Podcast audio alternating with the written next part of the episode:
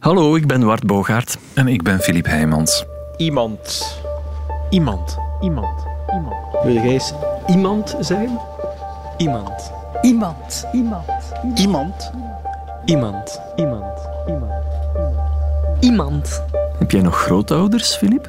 Nee, spijtig genoeg niet meer. Ik ook niet. En ik mis dat wel eigenlijk, want ja, als, als kind heb ik heel vaak met mijn grootouders gepraat over vroeger. En ja, aan zich waren dat niet altijd de meest spectaculaire verhalen. Maar ik deed dat gewoon graag, puur omdat het oude mensen waren. En ik doe dat nog altijd graag, eigenlijk, met oude mensen praten. Ik, ik hoor het al komen. De, de, de komende weken eh, zal het bij jou heel vaak gaan over iemand die al een dagje ouder is. Ja, ja, het is niet dat ik daar eh, actief naar op zoek ben, maar ik kom er gewoon vaak bij uit. Ehm, Spontaan. Spontaan, ja. Bij Rosie bijvoorbeeld. Rosie is 96. En ik ben haar een paar keer gaan bezoeken in een bejaardentehuis in Antwerpen. En ze heeft zo'n onwaarschijnlijk levensverhaal en ze vertelt het dan ook nog zo fantastisch. Dus ja, ik, was, ja, ik ben verliefd geworden op een vrouw van 96. Het is raar om te zeggen, maar het is zo. Zeg Rosie, vertel jij nog vaak jouw verhaal? Ik zou niet weten aan wie. Aan niemand niet meer. Dit is Rosie van Hoeken. Ze weten alleen dat ik in Amerika geboren ben. Ze, dat zijn de medebewoners van het woonzorgcentrum in Antwerpen waar ze verblijft. Maar hoe ben ik daar gekomen? Rosie moet diep in haar geheugen graven. Ja, hoe zat dat nou weer ineen? Maar dan laat ik de naam Red Star Line De vallen. Red Star Line, ja. Haar ogen twinkelen. Fantastisch, ja. De Red Star Line is de Antwerpse rederij die tussen 1873 en 1935 2 miljoen landverhuizers van Antwerpen naar New York of terug bracht. De Red Star Line, ja. Rosie is 96 en ze is de oudste nog levende passagier. In 1921 komt ze met de Red Star Line aan in Antwerpen. Ze is twee jaar, maar ze heeft dan al een duizelingwekkende voorgeschiedenis. Een verhaal dat zo beklijft dat het binnenkort een vitrine krijgt in het Red Star Line Museum. Ik had dat nooit kunnen denken. De kleine Rosie is twee als ze vanuit de VS in Antwerpen aankomt. Ze beleeft een onbezorgde jeugd in café De Zevende Hemel in het Schipperskwartier bij Jacques en Jeanne van Gich.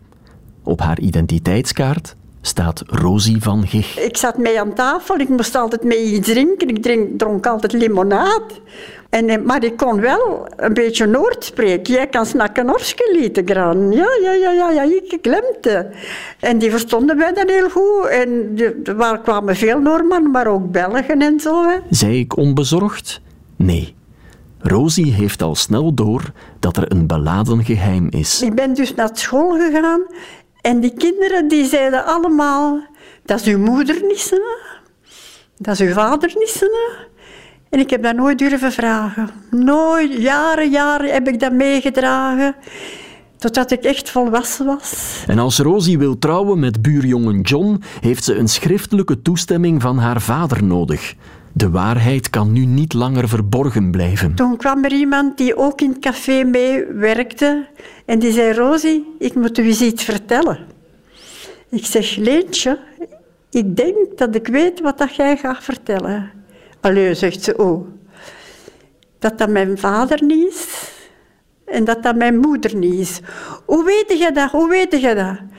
Zeg, de kinderen in school hebben nooit niet anders gezegd als uw vader niet en als uw moeder niet. Maar ik heb dat nooit durven vragen. En nu vraagde je mij dat en ik wist het. Ik wist dat. Heel, ik, heel die tijd heb ik dat geweten. Nu durft Rosie het wel aan om haar moeder, of tenminste de vrouw die ze al haar hele leven kent als haar moeder, te confronteren. Die verschoten. En die zei, ja, ik ben uw moeder niet. Jacques van de Zevende Hemel is dan al overleden en Jeanne zegt Rosie dat ze de toestemming om te trouwen moet vragen aan een man in New York, Georges van Hoeken. Een naam van een verre vreemde die ze dan pas voor het eerst hoort. De naam van haar vader en de naam waarmee ze voortaan zelf door het leven gaat.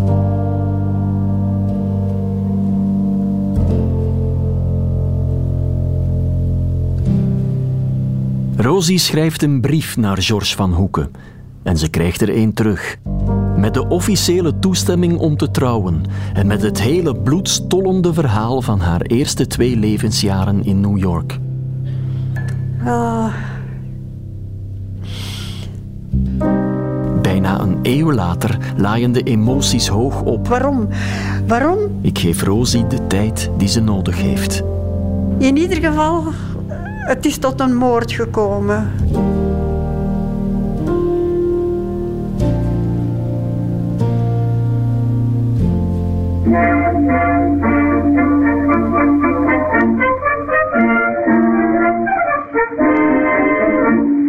April 1918. Georges van Hoeken uit Gent is kanonier bij de Belgische marine. Ze sturen hem met een speciale opdracht naar Amerika. Hij moet met een schip terugkeren waarop een nieuw soort kanon is geïnstalleerd om te strijden tegen onderzeeërs. Maar bij aankomst in New York is het schip al zonder hem vertrokken. Georges heeft drie maanden vrij en laat het zich wel gevallen. En uh, hij ging wandelingsje doen. Hij had zijn kostuum nog aan, met dat rood vlosje en die muts. Hè. Maar aan de haven daar woonden heel veel Belgen. Die ook allemaal, allemaal naar, naar Amerika gingen. Daar konden ze mee verdienen. Ineens was er zo een van iemand... Oh, ik zie een Belgische soldaat in zijn kostuum. En die liepen er allemaal naartoe. Hij kreeg chocola en sigaretten en wat weet ik van alles, van alles. Soldaat van Hoeken schuimt Belgische feestjes af. En alle dagen werd hij ergens uitgenodigd. Tot er weer eens bij iemand binnenkwam en daar kwam een dame binnen met haar dochter. De dame heet Rosalie Parijs. Een jaar geleden is haar man overleden. En haar dochter Annette. Een heel jong, mooi meisje. En hij was ook nog heel jong. Hè? En die bezagen elkaar. En die waren verliefd. De jonge soldaat laat er geen gras over groeien. En mijn vader dacht... Als ik niet stout spreek nu en ik moet morgen terug weg, dan zien wij elkaar nooit niet meer terug. En hij vroeg spontaan aan de moeder mag ik met uw dochter trouwen? George had een klap tegen zijn hoofd verwacht, maar tot zijn verbazing stemt de dame in. Een dag later trouwen ze en een jaar later is Rosie er al. In Europa is de oorlog ondertussen afgelopen, maar George besluit met zijn vrouw en kind in Amerika te blijven. Wat Rosie leest in de brief van haar vader lijkt aanvankelijk een sprookje. Twee jonge mensen worden verliefd in een land waar alles mogelijk is, trouwen en krijgen een mooi dochtertje. Maar het verhaal neemt een dramatische wending als Rosalie, Rosie's grootmoeder, een nieuwe man leert kennen. Een flamboyante Italiaan, Joseph Giracci.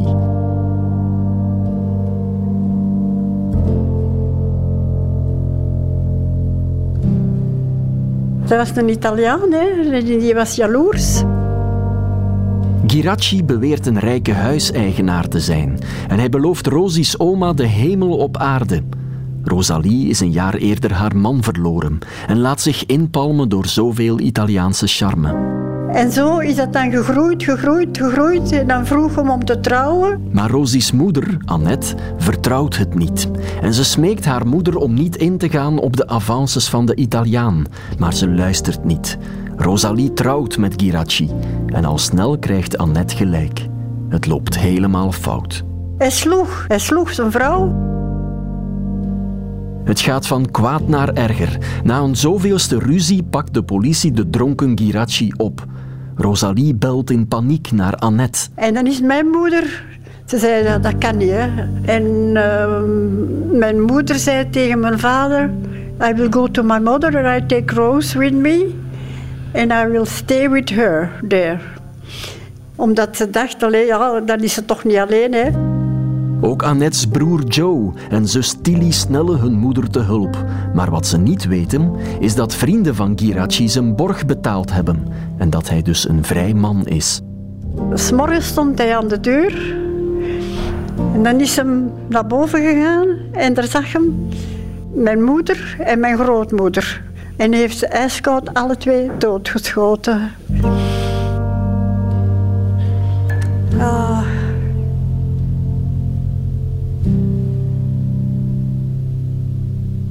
Al lezend stort Rosie's wereld in.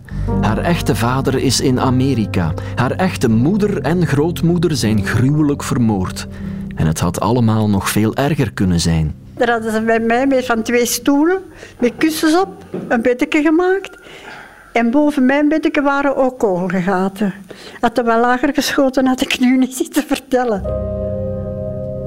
Tante Tilly heeft hij ook nog geschoten in haar hals, maar die is blijven leven. Maar zijn vrouw en moeder waren doodgeschoten door een stomme Italiaan. En die heeft zich zelfmoord. Waarom? Rosie heeft vandaag nog een oud krantenartikel. De Daily News van 23 april 1921. Op de voorpagina in grote letters Contractor slays wife and ends own life. Foto's ook. Onder de ene Mrs. Annette van Hoeken. Onder de andere Mr. Joseph Giracci. Mijn vader die werkte daar bij een schilder. En eh, alle dagen moest hij met een trein naar zijn huis rijden. Hij stond op het perron en dan kocht hij altijd een gazet. En dan was de gazet aan het lezen, of de krant als je het schoner, schoner vindt. En hij leest heel dat verhaal, vrouwen vermoord, grootmoeder vermoord. En die man die begon te huilen, en dat was zijn, zijn vrouw en zijn schoonmoeder die ze vermoord hadden. Wat Rosie twintig jaar later in een brief leest, leest haar vader de dag zelf in de krant. Die las dat allemaal in de gazet. Die werd bekend gek. Samen verhalen, hè.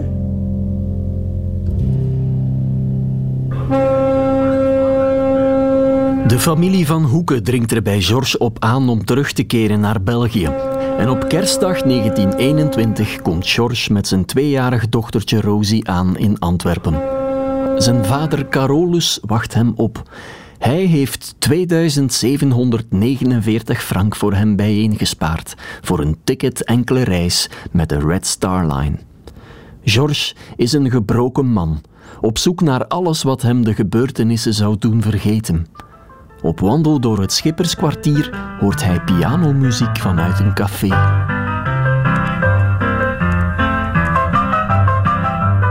Café Liberty. Alleen al die Liberty was Amerikaans. Hij ging daar binnen, hij zat er zo droevig. En die vrouw kreeg zo'n medelijden met hem. Hij had iets gedronken, maar hij bleef zitten en hij zat te schreien. En hij vertelde zijn verhaal aan die vrouw. Ik zei, en hij zei, wat moet ik nu met dat kind doen? Ze zei, wacht even, zegt ze, ik ken iemand. En die iemand was Janne van Café de Zevende Hemel, juist achter de hoek. Ik heb precies nog het gevoel dat ze mij oppakken en naar de Zevende Hemel brachten. Janne en Jacques van de Zevende Hemel zijn dolblij met het kleine meisje. De Gentse familie van Georges komt op bezoek. En ze krijgen een contract onder de neus geduwd. Die hebben moeten tekenen dat ze nooit meer zouden terugkomen. Dat hebben die gedaan dan, omdat ze wisten dat ik in goede handen was. Later, veel later, ben ik naar Gent geweest en ik heb daar al mijn Gentse familie leren kennen. Het is Carolus, de vader van Georges, die op zijn sterfbed aangeeft dat hij zijn kleindochter Rosie, ondertussen in de twintig, nog één keer wil zien. En dat lukt. Net voor hij sterft, haalt hij herinneringen op aan die dag dat Rosie met de Red Star Line aankwam. Als ik aankwam, als ik nog een kind was, uh, we verstonden elkaar niet. Ik, ik, verstond hem niet en hij verstond mij niet, hè, want ik sprak Engelse woordjes allemaal hè, en hij Vlaamse. En dan lag hem al op zijn, op zijn bed, op zijn sterfbed. Dat hem dat zeide. In trieste omstandigheden leert Rosie haar familie van Hoeken kennen. Maar de sleutelfiguur is daar niet bij. Georges, haar vader, is in 1924 al teruggekeerd naar de VS. Hij trouwt in 1928 en krijgt twee dochters, Louise en Jackie. En net als hun verre halfzus gaan zij eerst door het leven met een andere naam. Louise en Jackie, dat waren twee halfzusters van mij. Ja. Ik heet Van Hoeken, H-O-E-C-K-E, maar die had er H-O-O-K van gemaakt. Hoek, dat is een haakje. Hoeken dat is very much nicer dan, dan hoek. En maar die waren echt kwaad op hun vader omdat, ze, omdat hij dat gedaan had. Het past allemaal in Georges verwoede pogingen om te vergeten. Maar dat is buiten Rosie gerekend. Zij is ondertussen 35 en werkt voor de Koninklijke Vlaamse Opera. Ze zingt er in het koor. Ze kan de directeur overtuigen om vrijaf te nemen om naar Amerika te gaan. In 1921 was er die trieste heenreis met haar vader en in 1954 neemt ze alleen de boot terug. Dat was een kajuit voor vier personen waar ik in lag. En er was een dame bij haar dochtertje die van boven lag. Ik heb gezongen in de, in de opera, ja. En ik heb op die boot ook gezongen. Wat heb je gezongen? Summertime and everything is easy. And the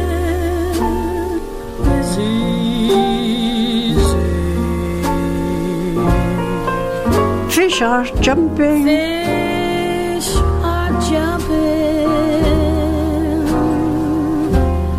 And the cotton is high. Is high.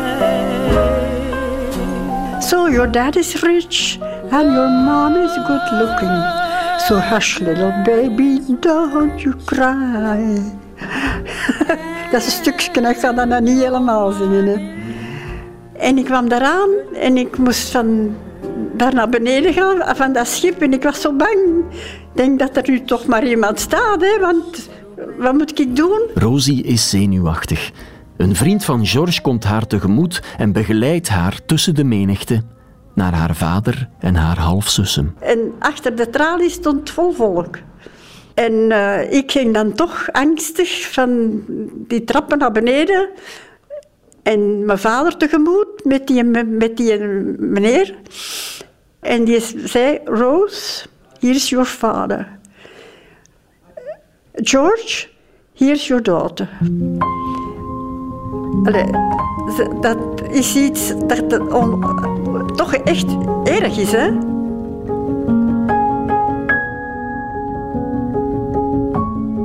Week is Rosie herenigd met haar vader, 33 jaar na de gruwelijke moord op haar moeder. Maar daarover wordt niet gesproken.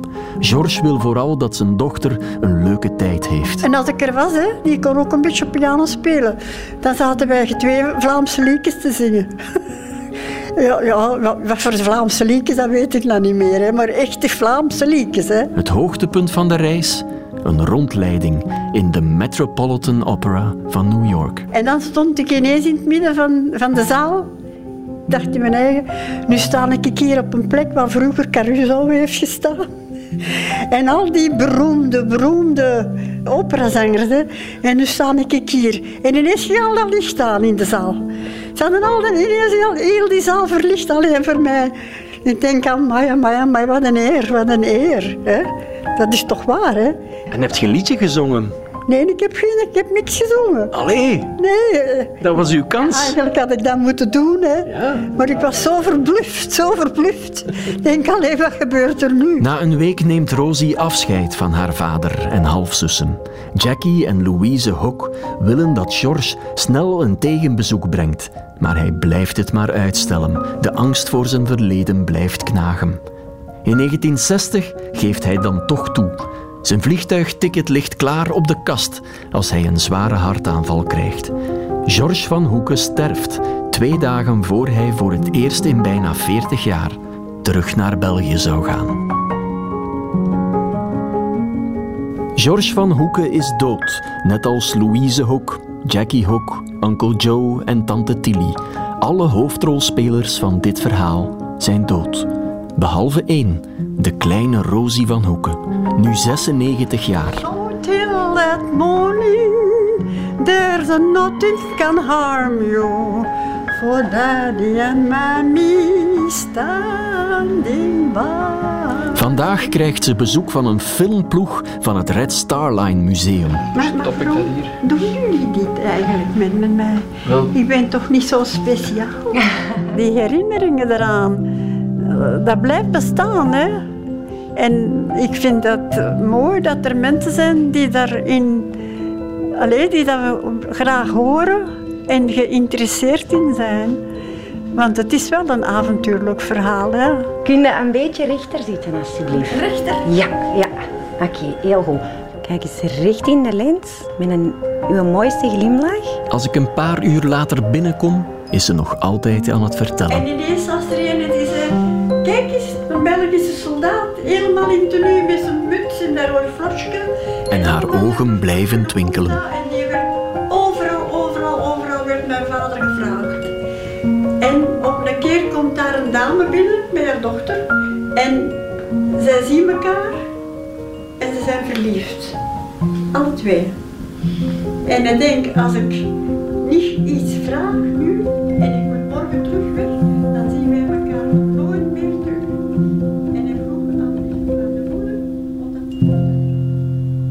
wil je meer weten over de Red Star Line waar Rosie meegevaren heeft, dan vind je dat op radio1.be.